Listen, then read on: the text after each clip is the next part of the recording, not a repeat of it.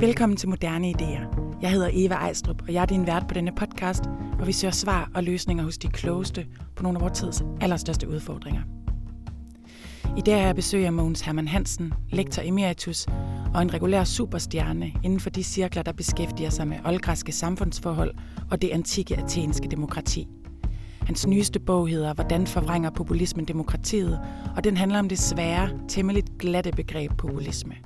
For hvem er populisterne, og hvem er ikke populister?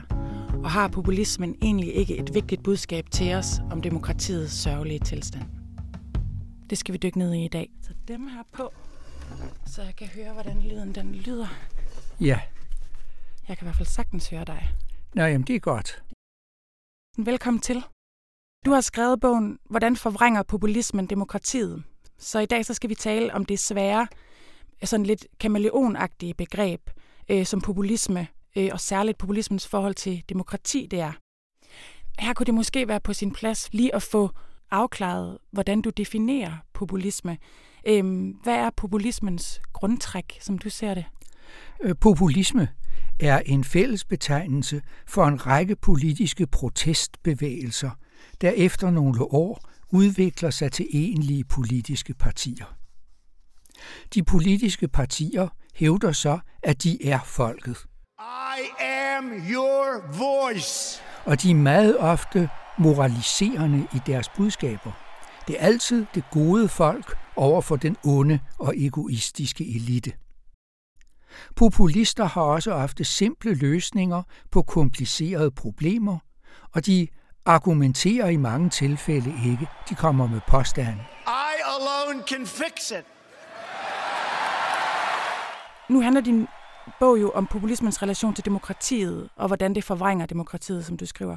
Og så har du en sætning her, hvor du siger, populistiske bevægelser, der får magten, har en tendens til at udvikle sig fra en form for demokrati til et autokratisk styre. Og din pointe er, at de færreste populister har et problem med demokratiet i udgangspunktet, men at de fleste partier alligevel øh, på en, den lange bane kommer til at udgøre en trussel mod demokratiet. Kan du gå lidt ind i det? Se, der er jo en ting, der er meget pudsigt. Populisterne og de populistiske partier går så stærkt ind for folkeafstemninger, men ikke når de først er kommet til magten. Nej. Så er der ikke flere folkeafstemninger. Og hvor ser du for eksempel det ske? Der har ikke været nogen folkeafstemninger i Polen, siden de kom til magten i 2015. Der har ikke været nogen folkeafstemninger i Ungarn, kun valg. Mm. Og der har de fået indført en valglov, valglov som medgør, at øh, Orbán ved at få 47 procent af stemmerne kunne besætte to tredjedele af alle pladserne i parlamentet.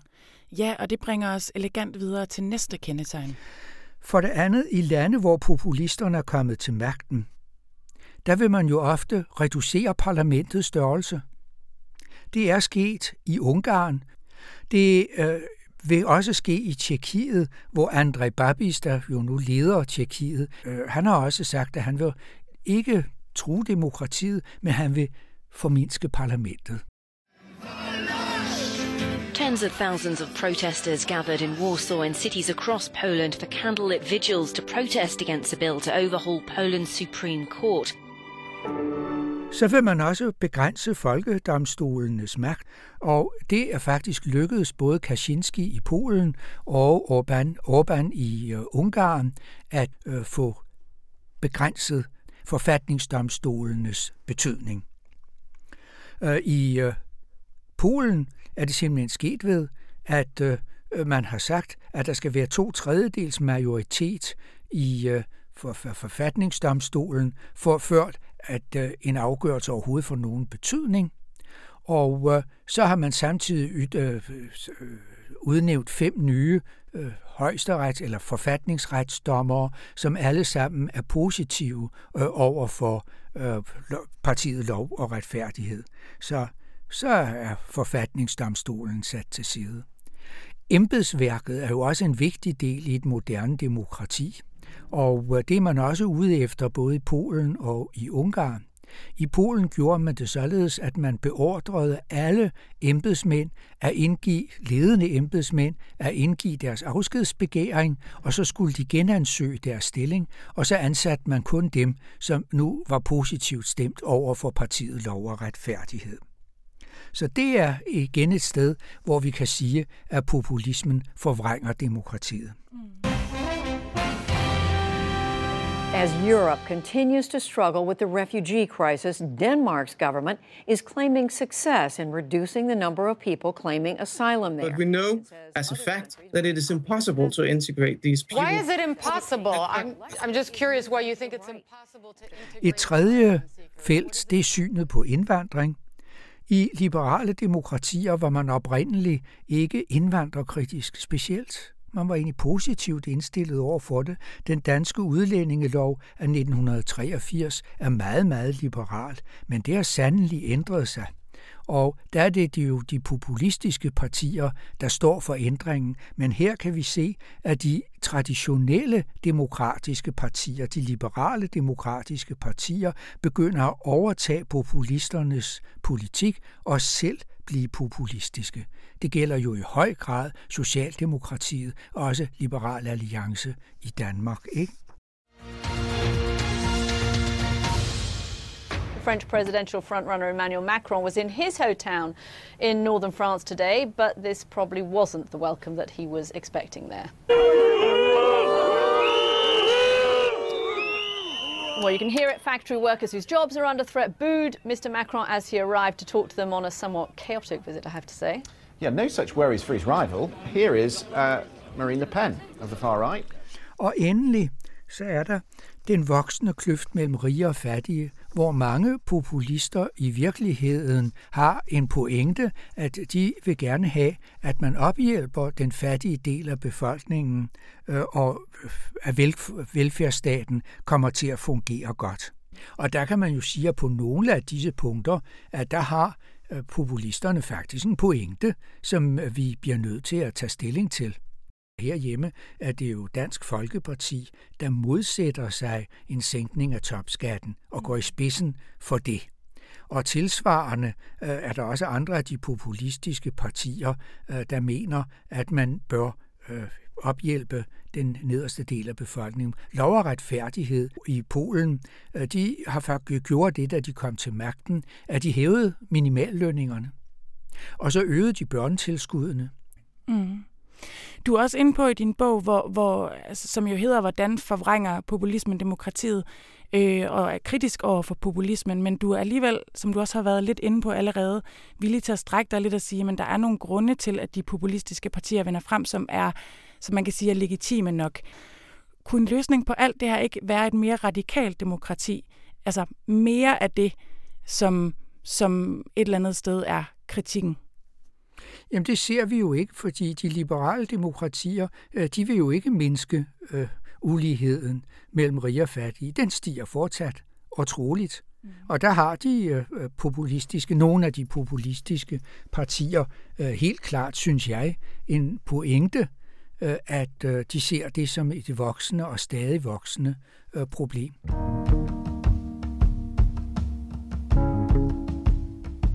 Mogens Hermann Hansen, der er født i 1940, er, udover at være lektor emeritus på Københavns Universitet, også en af ikke bare Danmarks, men verdens førende kender af oldgræsk historie og politik, og har gæsteforlæst på alle de toneangivende udenlandske universiteter.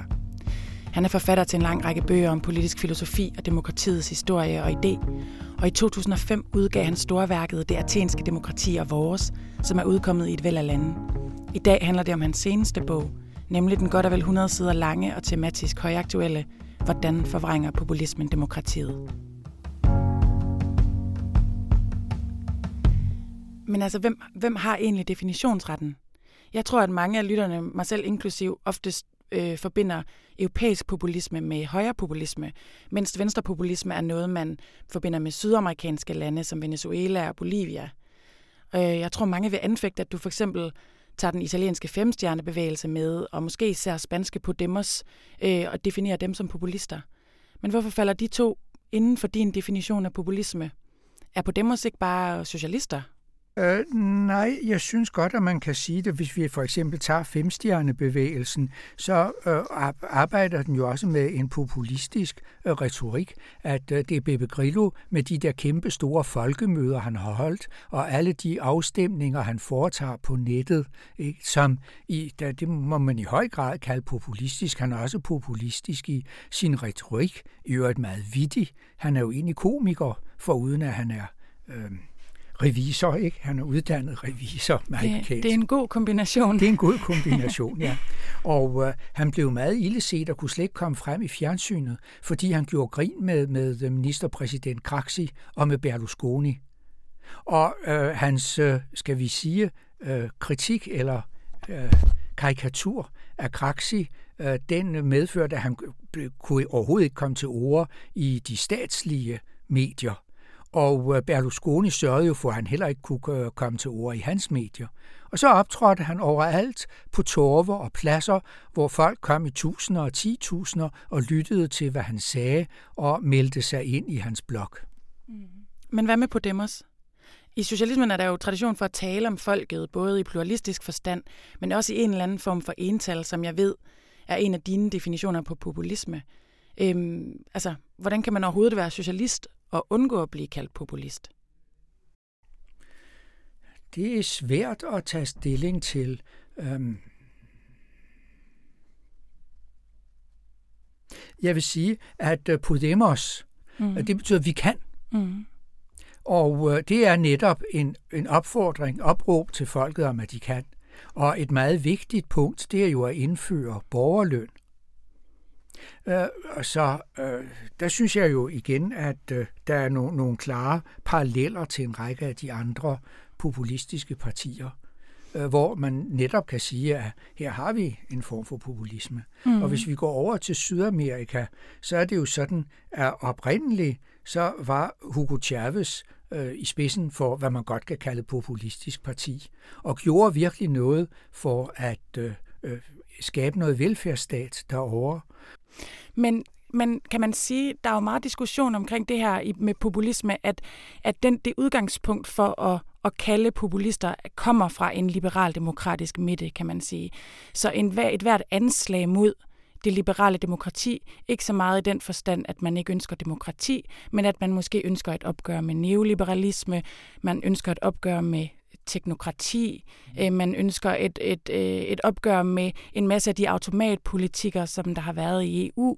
Jeg spørger, fordi at, at jeg tænker, at det er interessant det her med, om man på en eller anden måde, øh, om der også er en, en partiskhed fra øh, det liberaldemokratiske flertal, eller fra den konsensus omkring, hvordan vi har indrettet vores samfund.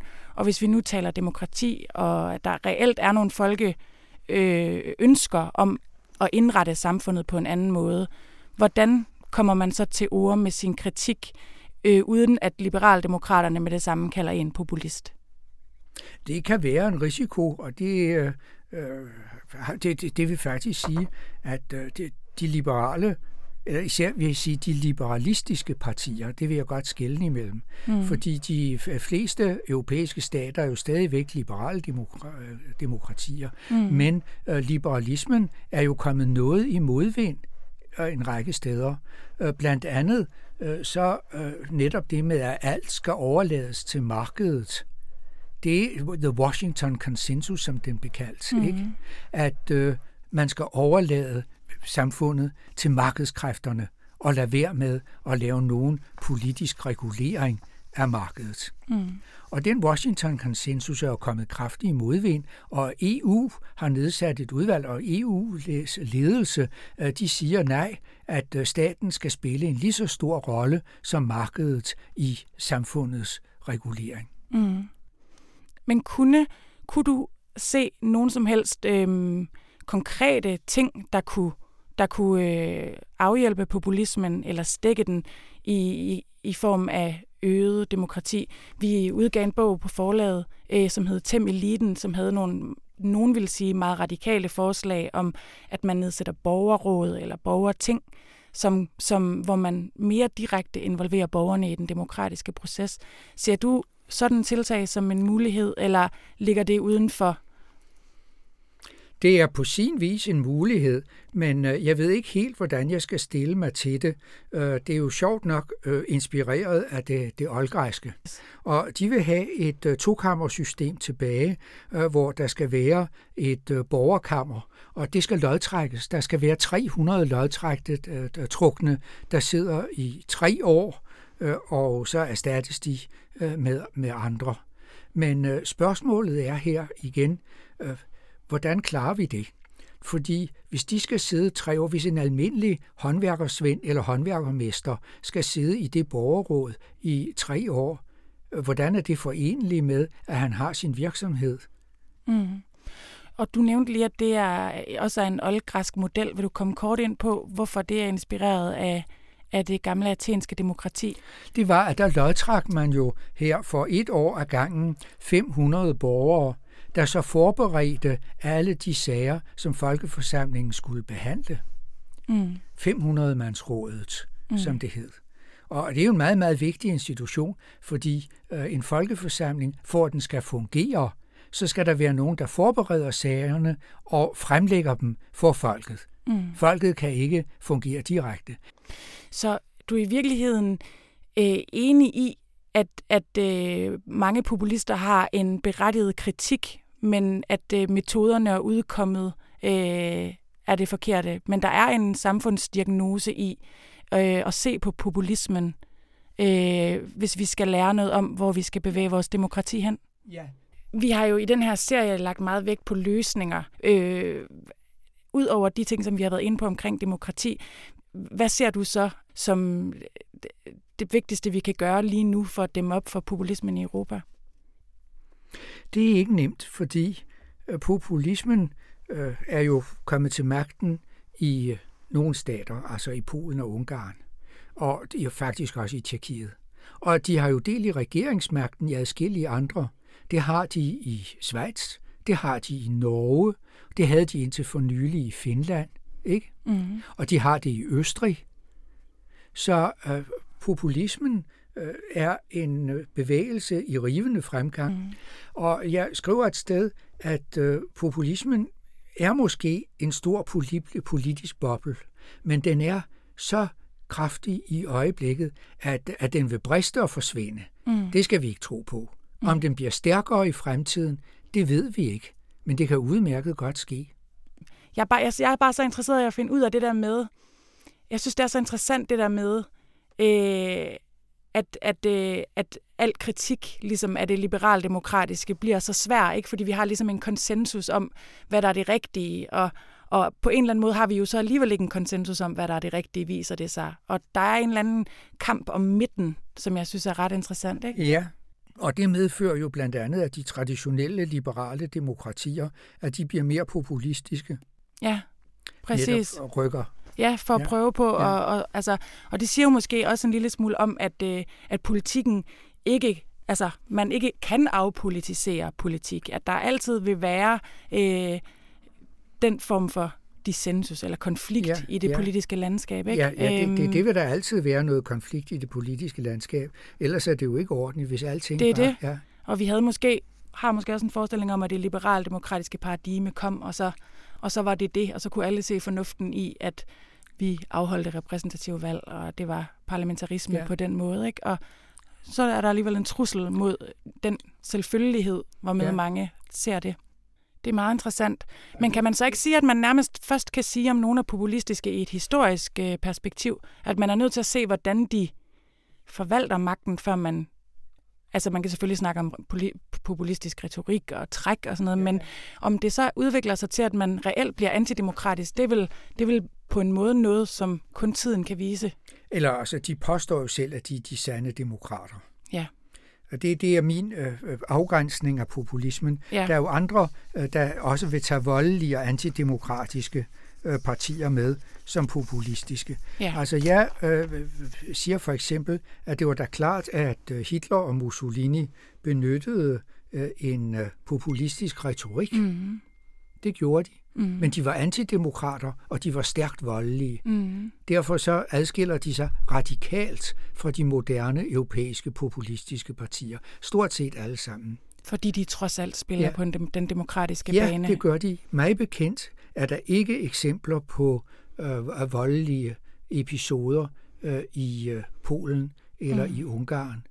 Og heller ikke, øh, altså måske enkelte episoder i Tyskland, men jeg tror ikke, det er noget, man kan knytte til mm. Alternative für Deutschland. Mm. Det er meget interessant. Ja. Ja, det er det. Tak skal du have, Mogens. Det kan godt være, det var Donald Trump, der sagde, I am your voice, med henvisning til det amerikanske folk. Men det var Jürgen Habermas, der sagde, folket findes kun i flertal. Og med de ord og alle de foregående kloge ord, siger jeg tak for i dag. Tak til min gæst, Måns Hermann Hansen, og tak til vores sponsorer. Moderne idéer i både skrift og lyd er støttet af den Hjelmstjerne Rosenkroniske Stiftelse, Beslis Fond, Lundbæk-fonden samt Augustinusfonden. Du kan abonnere på os i iTunes eller andre podcast-apps, og husk, at du kan gå ind på information.dk-podcast og finde alle informationspodcasts. Hen over sommeren vil der være lækre sommerudgaver af Radio Information, ligesom du kan blive klogere på russisk kulturhistorie i podcasten Det Skønne Rusland. Og du kan få intellektuelle svar på Europas krise i den spritnye podcast Europæiske Idéer. Lige nu får du for øvrigt 15% rabat på alle bøgerne i Moderne Idéer-serien.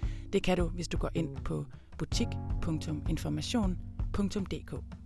Jeg hedder Eva Ejstrup, og med i redaktionen er også Rasmus Ravnen Vest. Vi høres ved.